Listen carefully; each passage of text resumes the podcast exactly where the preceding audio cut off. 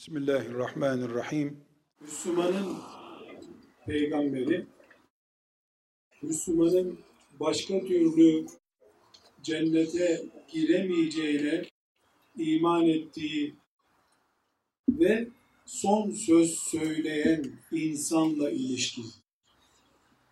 Eğer Müslümanlar erkekleriyle kadınlarıyla bir gün peygamberleriyle olan ilişkilerini bir cami imamıyla, bir din öğreten hoca ile olan ilişkilerine benzetirlerse, yeryüzünde imanla ilgili yatırım namına bir şey kalmamış demek. Allah'a sığınır. Önceki peygamberlerin ümmetlerinin düştüğü bu bataklığa düşürmesinden bizi muhafaza etmesini niyaz ediyoruz. Hanım kardeşlerim,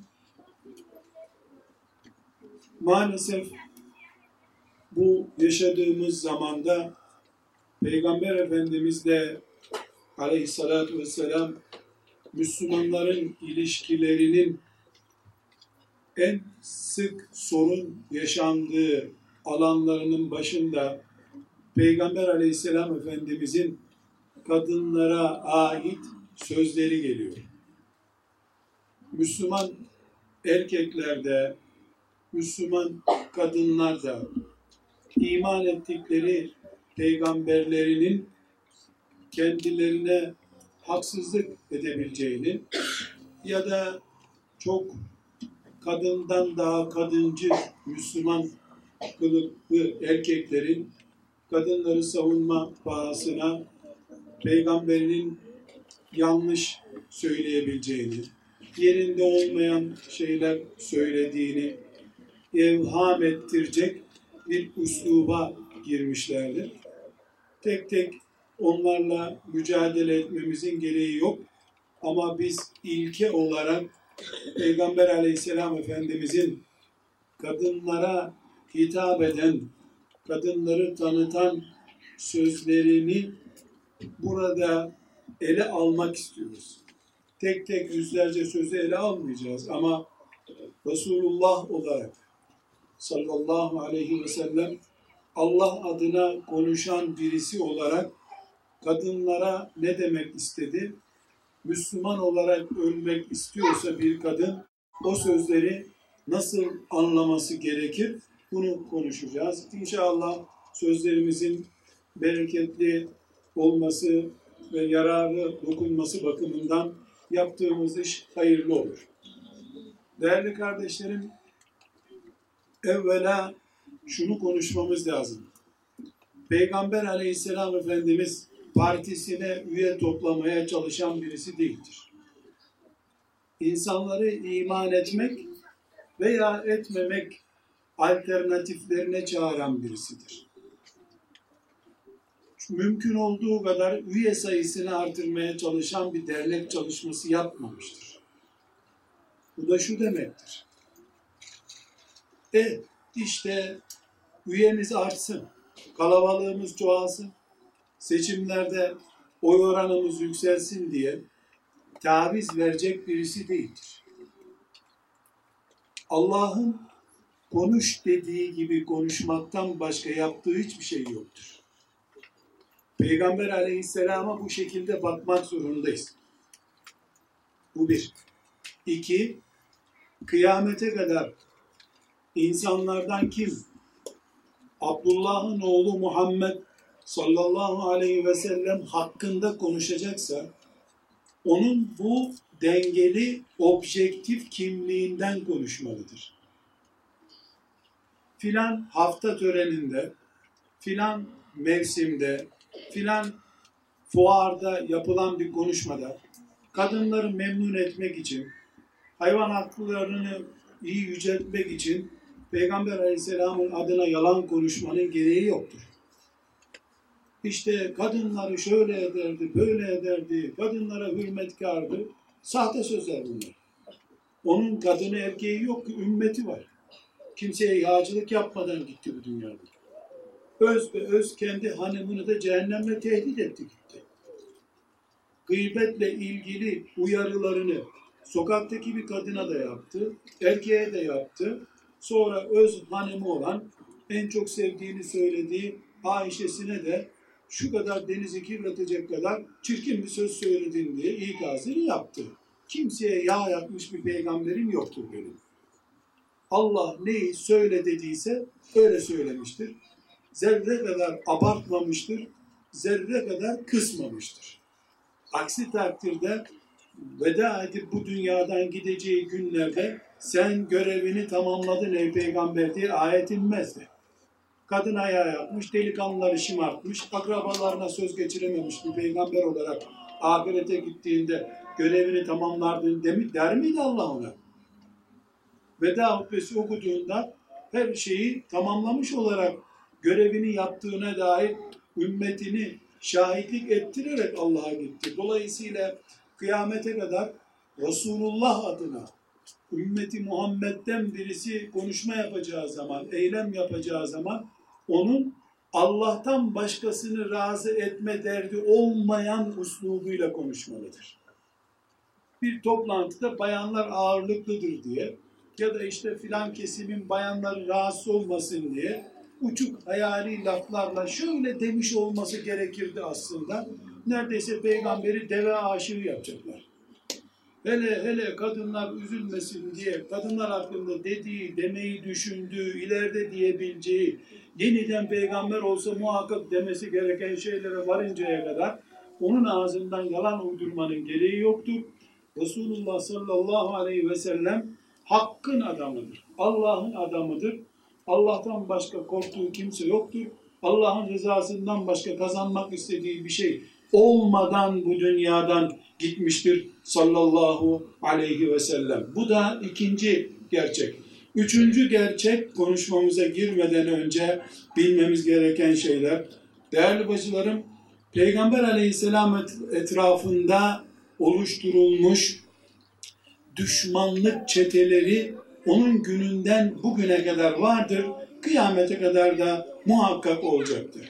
Onun dinine, şahsiyetine karşı oluşturulmuş çetelerden kim vardır desem hemen Siyonizmi siz de söylersiniz. El hak doğrudur.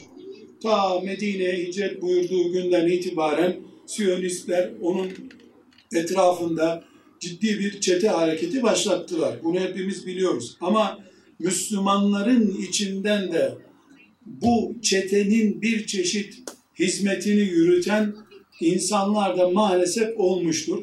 Peygamber aleyhisselam etrafında bilerek veya bilmeyerek, kast ederek ya da etmeyerek ona ait olmayan şeyleri de peygamber sözü diye öbür nesillere nakletmişlerdir.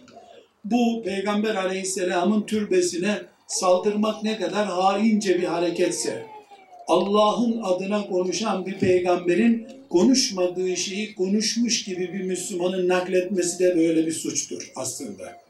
Buna hadis ilminde, Müslümanların ilim literatüründe mevzu hadis denir. Az çok e, şeriat ilimleriyle uğraşanlar bu inceliği bilirler. Mevzu hadis diye bir kavram vardır. Mevzu hadis demek Peygamber aleyhisselama ait olmadığı halde peygamber dedi diye Müslümanların kürsülerinden, hikaye kitaplarından, menkıbe kitaplarından aktarılarak nesilden nesile taşınan sözler demektir. Dolayısıyla Peygamber aleyhisselam Efendimizin Kur'an'ı yüzde yüz arınmış tertemiz insan eli ve dili değmeden günümüze ulaşmıştır. Ama maalesef Peygamber aleyhisselam Efendimizin mübarek ağzından çıkan Allah adına söylediği sözler, hadis diyoruz biz bunlara, bir bölümüne ilave yapılmaya çalışılmıştır. Bu ilave çalışmasının dikiş tutanı oldu, tutmayanı oldu. Neticede bugün Müslümanlar olarak biz Peygamber aleyhisselam Efendimiz'e ait olduğu belli olan ve belli olmayan bir hadis külliyatı yani peygamber sözü yığılması külliyatı içerisinde bulunuyoruz. Peygamber dedi diyebilmek için bu söz peygambere aittir diye kanaat kullanabilmek için bir hadisin sahih olması gerekir.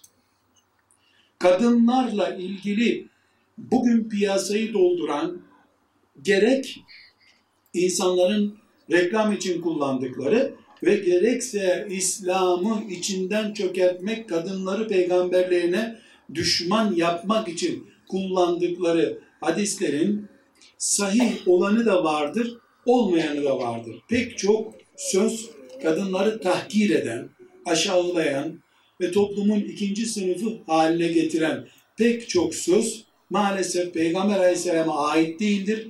Bundan bin sene önce araştırma yapan alimler bu söz Resulullah'a ait değildir, sahih değildir diye tespit etmişlerdir. Ama e, bu sözlerin tamamı da imha edilme imkanı olmadığı için günümüze kadar taşınmıştır. Bu uydurma Peygamber Aleyhisselam'a ait olmayan sözleri geri gelir hepimizin hemen hemen kütüphanesinde bulunan İhya Ulumuddin'de de görebilirsiniz. Ramuzul Hadis'te de görebilirsiniz. Çünkü hadis kitapları Peygamber Aleyhisselam'a ait ilmi bize aktaran kitaplar da iki kaynak çeşidi olarak önümüzde dururlar. Bir Bukhari, Müslim gibi sahih hadis kitapları vardır. Burada bulduğumuz her hadisi Resulullah'a ait diye ele alırız.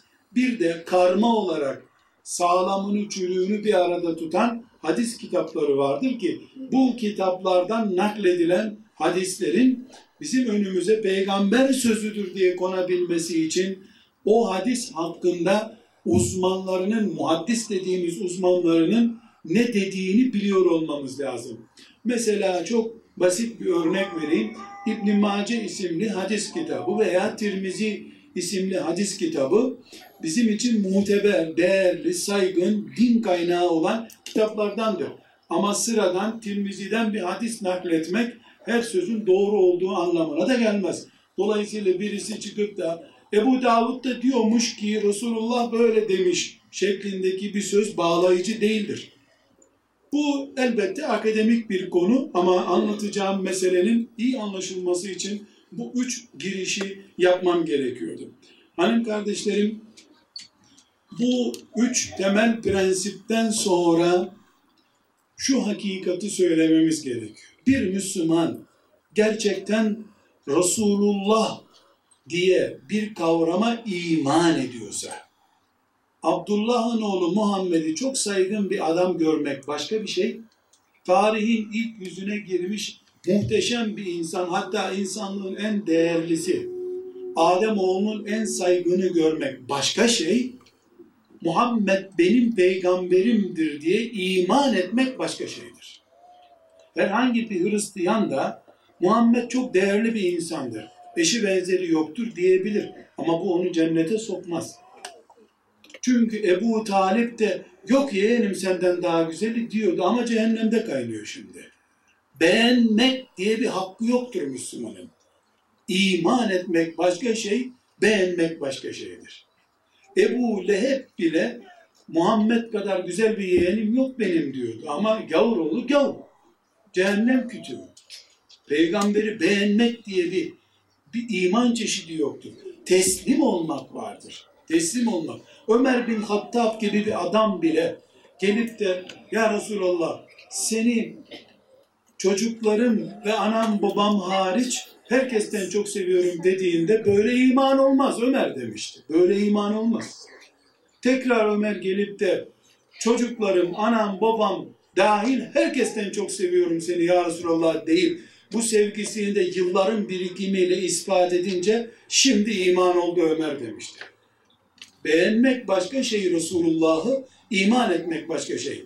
Bir Müslüman kadın veya erkek, biz burada bayanları konuştuğumuz için Müslüman kadın diye bir kavram ilave edeyim.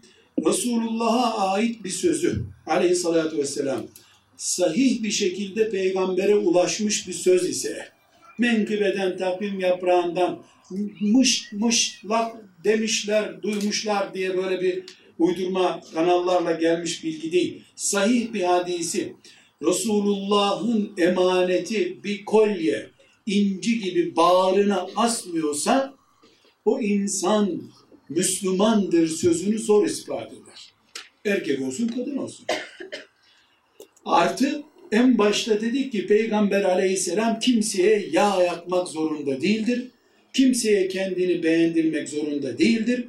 Kimseyle pazarlık etmemiştir. E beni bir anlat bakalım dinin güzel mi diye diyaloğa girip şirin görünmek için aslında var ya biz insanlığı şöyle yapmak istiyoruz edebiyat yapmamıştır. Cehennem ve cennet hangisini istiyorsun diye açık bir soru sormuştur.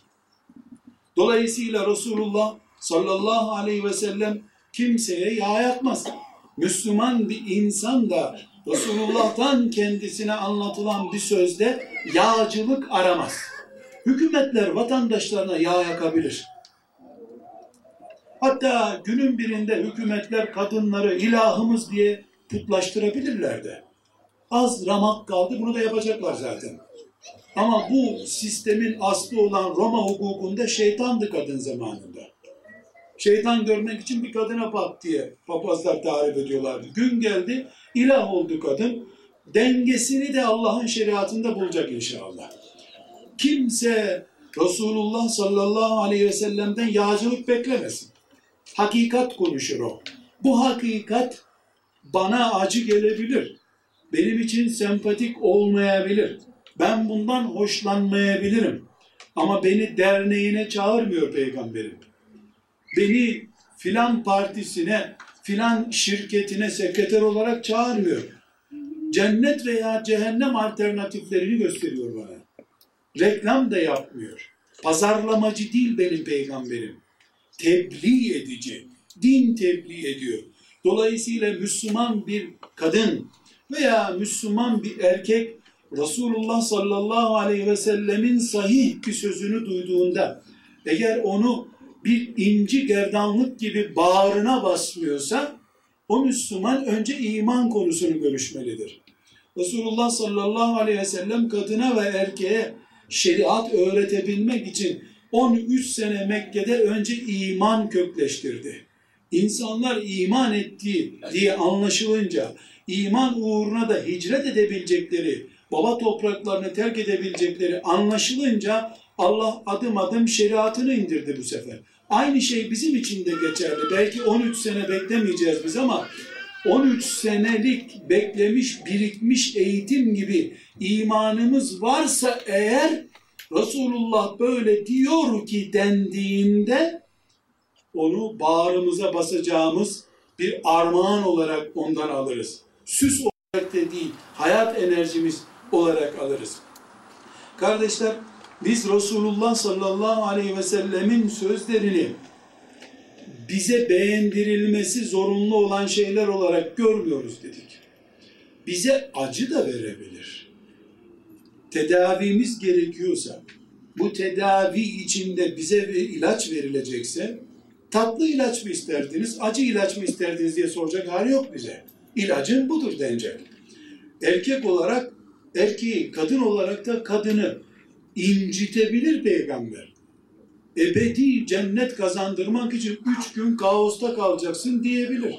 Hem dünyanın cennet olsun hem ahiretin cennet olsun diye bir propaganda yapmadı. Dünya senin zindanındır dedi.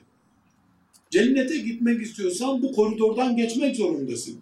Ben burayı cennet istiyorum diyenlere de iki cennet hakkı yok kimsenin dedi. Cennet hakkını burada kullanıyorsun.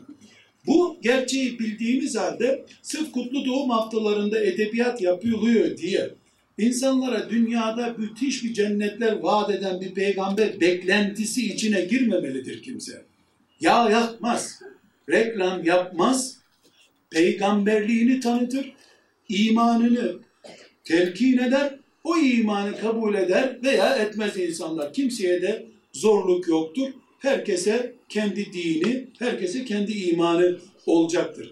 Dinde zorlama yok bu demek zaten. Peygamberi ya kabul edersin ya kabul etmezsin. Kabul ettikten sonra beğenmek diye bir şey yok. Kabul ettik dedikten sonra bunu beğendim, bunu beğenmedim dedim mi ona nifak diyor. O zaman kafirden daha beter iki yüzlü insan uygulaması yapıyor. Şimdi hanım kardeşlerim bu koyduğumuz ilkeleri Peygamber aleyhisselamın iki sözü üzerinde uygulayalım. Şimdi bir sözünde sözünü ettik daha önce dedik sahih şeyler konuşacağız. Varmış yokmuş Bağdat'ta bir hacı amca demiş ki diye din anlatılmaz. Ben Medine'de duydum yaşlı bir teyze dedi ki peygamber böyle diyormuş. Böyle din olmaz. Yaşlı teyze dedi diye doğru söyleyecek hali yok. Allah dediyse Kur'an'ında dedi, peygamber dediyse sahih olarak nerede dedi diye sorulur. Bukhari'de dedi, Müslim'de dedi, filan yerde sahihlik karakterlerine uygun olarak dedi. Şimdi iki sözünü ele alacağız. Birincisinde diyor ki, benden sonra erkekleri için hitap ederek, benden sonra size kadınlar gibi bir fitne bırakmadım diyor. Dikkat edin, İsrailoğulları kadınların yüzünden helak oldu. Aman dikkat edin kadınlara diyor. Başka bir hadisinde yine bu A versiyonu iki bölümde ele alacağız peygamberin sözünü aleyhisselam. Başka bir sözünde sahabiye Ebu Sa'id el-Hudri'ye hitaben diyor ki bakın diyor dünyanın hayatını fakir olarak yaşayacaksınız diye bir korkum yoktur benim. Allah dünyayı size açacak, zengin olacaksınız merak etmeyin. Allah size dünyayı açacak, zengin olacaksınız. Kadınlara dikkat edin İsrailoğlu onların yüzünden helak oldu diyor. Başka bir seferinde tekrar dünyada kadınların İsrailoğlu örnekliğiyle beraber bir ümmetin helak oluş nedeni olduğunu söylüyor. Bu sözü Kutlu Doğum Haftası'nda okumamız mümkün değil. Bu yüzden de zaten beni hiçbir Kutlu Doğum Haftası'na çağıran olmuyor. Çünkü peygamberi olduğu gibi anlatıyorsun, reklama uymuyor, yardım toplanmıyor. Taraftar toplanmıyor. Halbuki öyle taraftar toplama derdiyle uğraşsaydı Peygamber Efendimiz Ebu Cehil bile iman ederdi. Tamam sana ilk devlet kurulduğunda şirket ihaleleri verilecek deseydi Ebu Cehil kaçırmazdı bu fırsatı. Şimdi kardeşlerim tekrar Peygamber aleyhisselam kimseye yağcılık yapmak zorunda değil. Allah'ın şeriatını anlatıyor. Bu şeriatı anlayan bağrına oturtulmuş bir inci kolye gibi görür bunu. Şüphesi münafıklığı olan da zaten reddeder dedik. Şimdi bakınız ne buyurdu? Benden sonra sizin için kadınlar gibi büyük bir fitne bırakmadım. Fitne bırakmadım diyor. Başka bir hadisinde fakirlikten, malla ilgili bir konuşma yaptığı bir ortamda diyor ki merak etmeyin Allah sizi zengin edecek. Dünya ayağınıza akacak sizin. Asıl korktuğum da sizin zenginliğinizdir. Zengin olursanız birbirinize girersiniz diye korkuyorum. Dikkat edin, kadınlara da dikkat edin. İsrailoğulları kadınlar yüzünden helak oldular diyor. Şimdi sadece bu cümlesi, iki cümlesini ele aldığımızda Peygamber Aleyhisselam Efendimizin çok net ve açık bir kadın düşmanlığı var.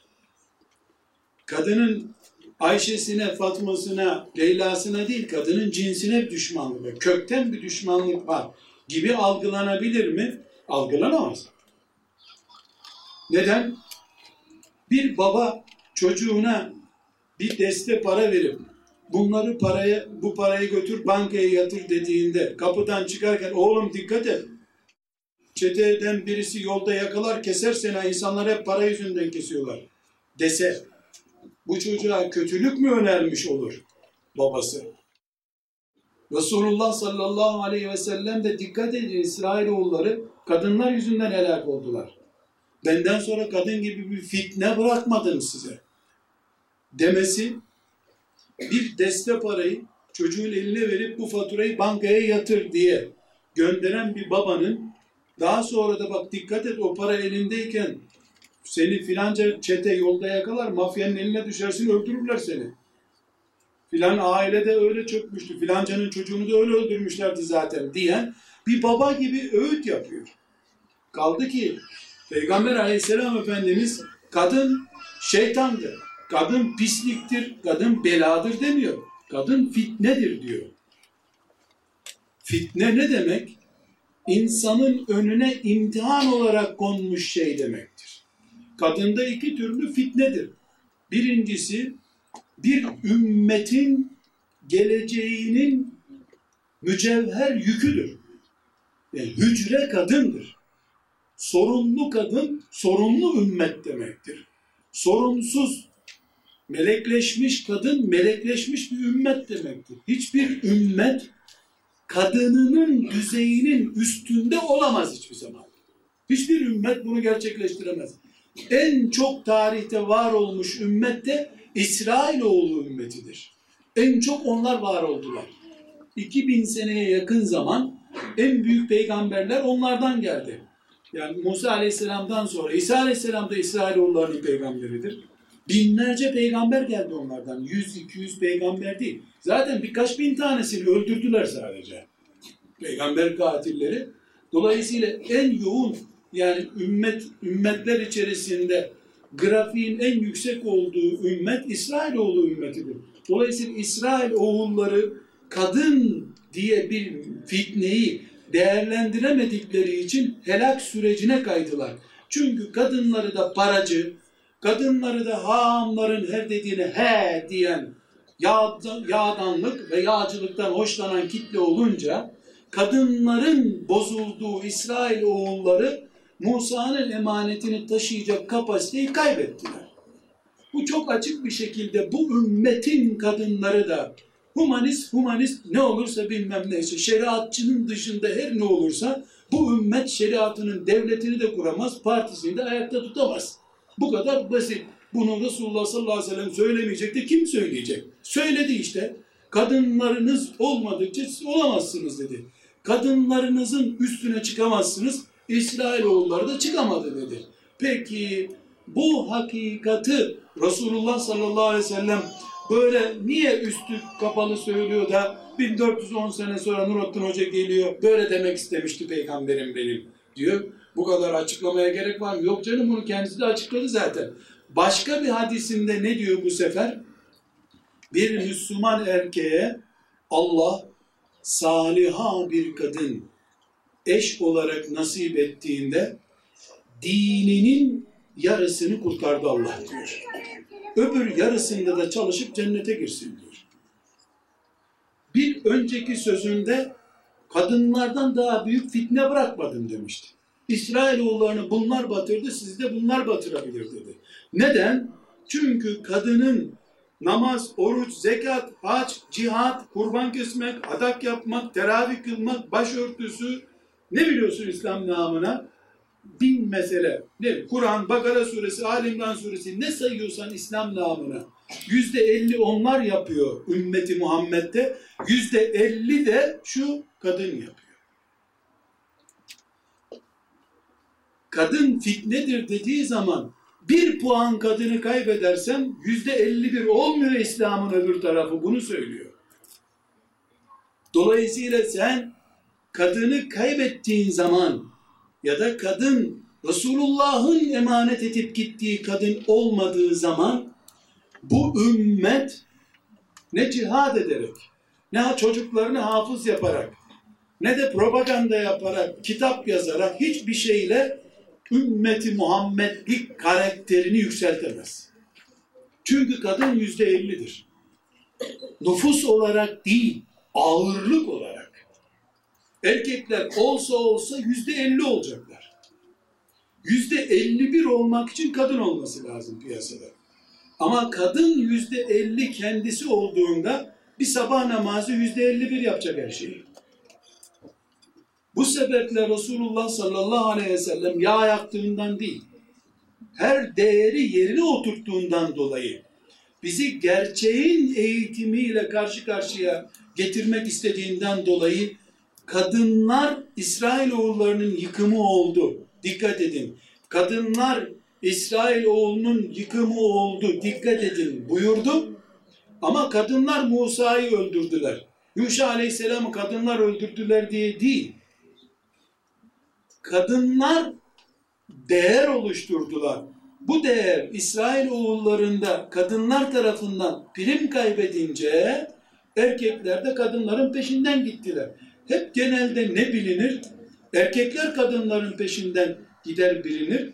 Bu dışarıda sokakta böyledir. Yüreklerde bütün erkekler kadınların peşinden giderler. Nuh Aleyhisselam'ı asırlarca başarısız hale getiren karısıdır. Tıpkı Muhammed Aleyhisselam'ı mağaradan indiğinde cihada süren karısı Hatice olduğu gibi. Bunu Peygamber Aleyhisselam Efendimiz çok net bir üslupla kimsenin yağcılığına, minnettarlığına ihtiyaç hissetmeden izah etti. Resulullah olması aleyhissalatü vesselam bunu gerektiriyordu. Bunu yaptı. Bu mantıkla bakıldığında ki bütün hadisi şeriflerinin tek tek ele alınması halinde sahih hadisleri Peygamber aleyhisselamın söylediği belli tarzda hadisse bunların tamamı ele alındığında bu mantık hepsinde vardır. Her halükarda değerli bacılarım bu ümmet Muhammed Aleyhisselam'ın ümmetidir. İlacı, sözü, yaramızı acıtsa da teslim olmak zorundayız. Çünkü bize herhangi bir şekilde minnet edecek bir peygamberimiz yoktur bizim. Bizim onun eteklerinde sürünüp gitmemiz söz konusudur. Bizim ona minnet etmemiz söz konusudur. Gerçek ve doğru olan da budur. Bu sebeple bugün Müslümanların kadınlar olarak ve erkekler olarak Resulullah'ın sözlerine aleyhissalatü vesselam nasıl baktıklarını muhasebe etmeleri gerekiyor. Eğer herhangi bir söz peygambere ait olduğu bilindiği halde bizim içimizde cız ettiriyorsa o cız eden şey imanımızdır aslında. Bu kadar basit. Müslümanlar bunun zamanla bu cız eden şeyin cırt diye yırtılan bir iman olacağını anlamak zorundadırlar. Müslümanlar önceleri niye dört evliliğe izin verdi diye tartıştılar peygamberini. Bu şeytan vesvesesine karşı tükürüp şeytanı yere süründürmek tercih edilmesi gereken tavırdı. Bunu yapamadılar. Şimdi kendisi niye çok evlendi diye tartışıyorlar. Gökler yerler kadar ciddi belgeler var ki Ayşe'siyle 9 yaşında nikahlanmış. Ayıpsa ayıp, kayıpsa kayıptı. Bitti. Vallahi bunun 17 olması gerekiyor. Fiziksel şartlar böyledir diye hiç tutunacak bir tarafı yok. Birden 10 yaş mahkeme bile büyütmez bir insanı. Yani bu uyduruk yasalarda bile bir sene iki sene büyütürler insan. 10 yaş birden bir insan büyümez ki. Sana ne? Babası razı. Kızı razı, damadı razı. Sana ne verdi aldı. Kimi ne ilgilendirir? Ama bir kere kadın dünyasına hitap eden sözleri kendisine yönelik sözü cız edince kalbinde sen de niye yaptın der sonra. 10 sene sonra da o noktaya gelecek. Tıpkı Yahudi melunların melunların Davut Aleyhisselam'a kendi kızlarıyla ilgili iftirada bulundukları gibi. O zaman ya Davut nasılsın, ne var ne yok diye hitap etmekte sakınca görmediler. Davut Aleyhisselam ölünce de kızıyla şöyle yaptı, böyle yaptı diye iftira da ettiler. Sarhoştu, marhoştu diye de iftira da ettiler. Şimdi tabii bir Müslüman olarak tövbe tövbe böyle bir şey denir mi canım? Bizim evde böyle bir şey denir mi zannediyoruz ama 100 sene sonra senin neslinin bu laçkalığı nereye götüreceğini de hesap etmek zorundasın. Aileysen sen senin ölümünle bitecek bir aile olmaz herhalde. Senin babanın aman duymasın kimse, aman aman durumlar kötü diye Peygamber aleyhisselamı savunmaya cüret edemeyişi bugün Peygamber aleyhisselamın üzerinde hata arama sistemini ortaya koydu.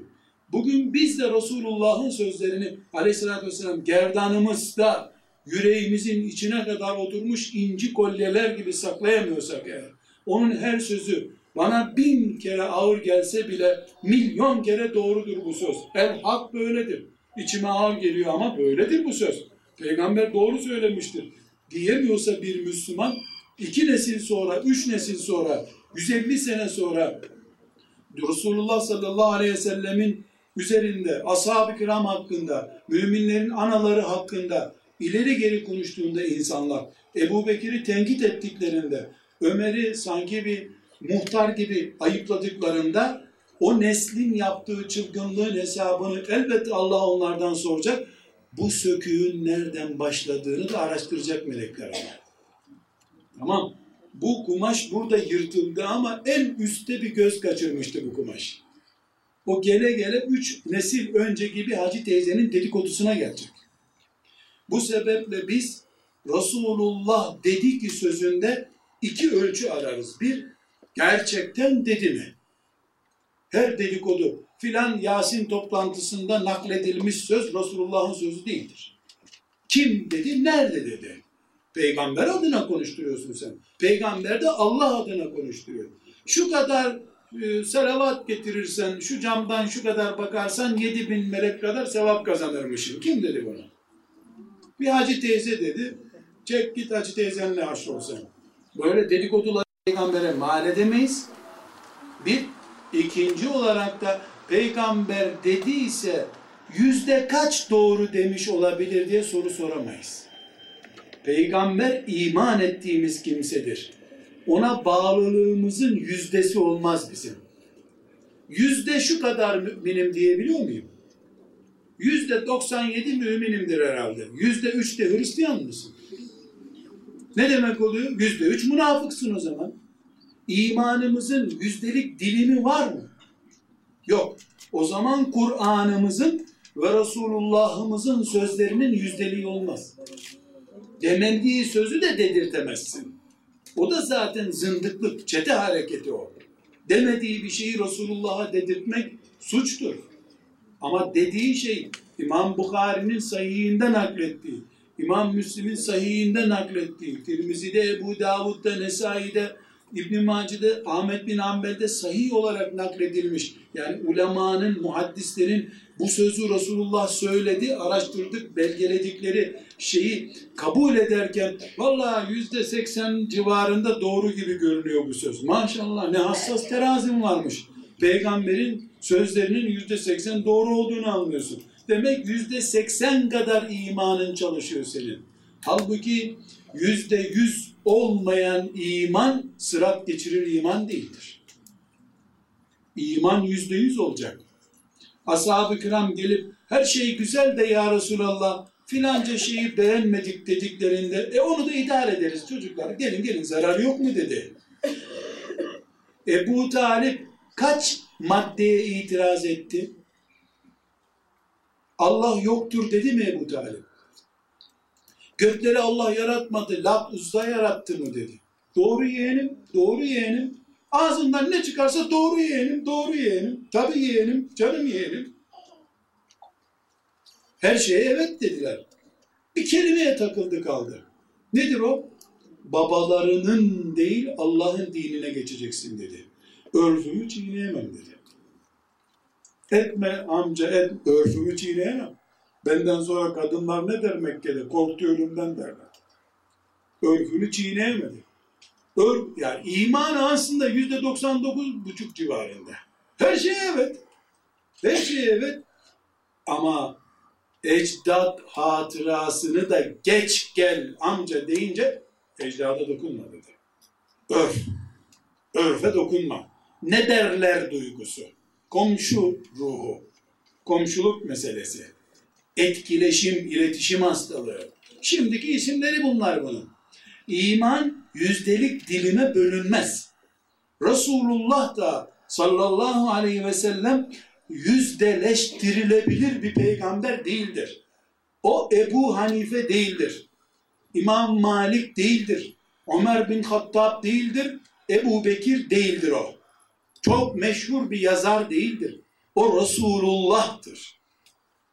Sallallahu aleyhi ve sellem. Onun üzerinde milyonda birlik tereddüt imanı kökten götürür. Çünkü o cami imamı değil dedik. Haçta tanıştığımız çok değerli bir hacı efendi değil. O Resulullah'tır. Bir mümin kadın veya erkek Resulullah sallallahu aleyhi ve sellemin sözlerini bu mantıkla ele aldığı zaman imanının lezzetine varır. İmandan lezzet alan birisi ölümden de lezzet alıyor işte. Bunun için hanım kardeşlerim bu ümmetin ilk nesli yani ashab-ı kiramın kadınıyla erkeğiyle cihada gittiklerinde canları söz konusu olunca şey e, bizim çocuk imtihana girecekti ya Resulallah ben öbür kampanyaya katılsam filan değerini duydunuz mu hiç? Hiç duydunuz mu bir sahabeden bizim baldızın çeyizi var ya Resulallah ben sonra gelsem olmaz mı? Bir kişi bunu yaptı biliyorsunuz. Baldızının çeyizi gibi bir törenden dolayı Kâb bin Malik gitmedi Tebuk gazvesine. Üç gün sonra gidelim dedi. Ne etti Kur'an? Ne etti? Silin onu defterden dedi. Selam yasak. Hanımıyla bir arada durması yasak.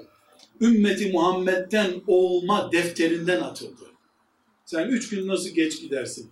Nasıl ashab-ı kiram erkeğiyle kadınıyla hiç mi düğünleri yoktu mübareklerin be? Hiç mi çocuklarını sünnet ettirmeyeceklerdi? Haziran ayında bizim çocuğun sünneti var onun için ben toplantılara gelmeyeyim. Hangi aydayız? Mart ayında. Düğün ne zaman? Sünnet düğünü. Alimallah çocuğun doğumuna bu kadar hazırlık yapılmadı. Sünnetine üç ay hazırlık yapılıyor. Toplantı yok, cihat yok, faaliyet yok, ders yok. Bereket namaz kılınıyor, farzları kılınıyor. Çocuğun sünneti var tabii. İşte iman yüzde yüz olunca, her sözü yürekte bir inci gibi takılı olunca peygamberin ne çocuklarının sünneti oldu, ne görümcelerinin baldızlarının çeyizi oldu. Ne hastalık akıllarına geldi, ne açlık akıllarına geldi. Sen burada dur deyince tam aksine beni burada niye tutuyorsun ya Resulallah? Herkes şehitlik yerinde, ben ne burada geride bekliyorum dedi. Ali bin Ebi Talib'i Medine'ye bırakmak istedi. Ben kadın mıyım ya Resulallah? Beni burada nasıl bırakarsın dedi. Abdullah İbni Ümmü Mektum'u bıraktı o. Ama olduğu için nasıl olsa gelmeyecek diye. Niye beni ölüme götürmüyorsun diye kızan insanlardılar. Biz de toplantı yapmamak için bile 5-6 ay sonra sünnet olacak çocuğun hazırlığını mazeret ediyoruz.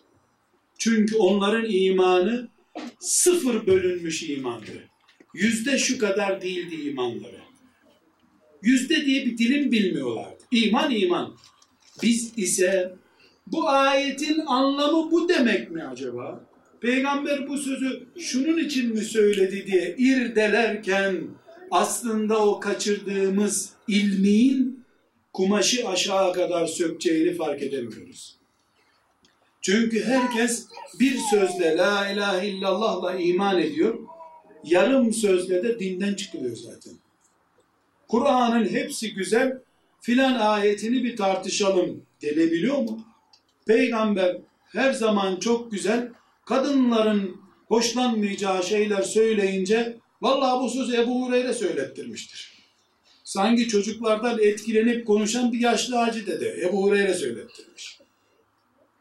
Biz ümmeti Muhammediz. Sallallahu aleyhi ve sellem. Ümmeti Muhammediz demek, bir Muhammedimiz var, başka kimsemiz yok demektir. Biz bile yokuz. O var, ben bile yokum. Ümmeti Muhammed'den olmak bu demektir. Ama Yahudiler ve Hristiyanlar ne yaptılar? Bu söz çok ağır. Bunu bu tarafa kaydıralım. Bu söz çok hafif, bunu buraya alalım. Satrançla oynar gibi Tevrat'la oynadılar. İncil'le oynadılar. Allah da aldı kitabını. Ama Kur'an'la satrançla oynanır gibi oynatmayacak Allah. Çünkü başka kitap gelmeyecek. Fakat onunla oynamak isteyenlerle oynayacak Allah. O nesli kaldıracak. Kur'an ve peygamberden başka hayat hakkımız yok bizim diyen nesil getirecek Allah. Meselemizin özü budur. Allah bu imanla yaşamayı kadınlarımıza, erkeklerimize, ümmet olarak hepimize bu şuuru nasip etmesini dilerim. Elhamdülillahi Rabbil Alemin.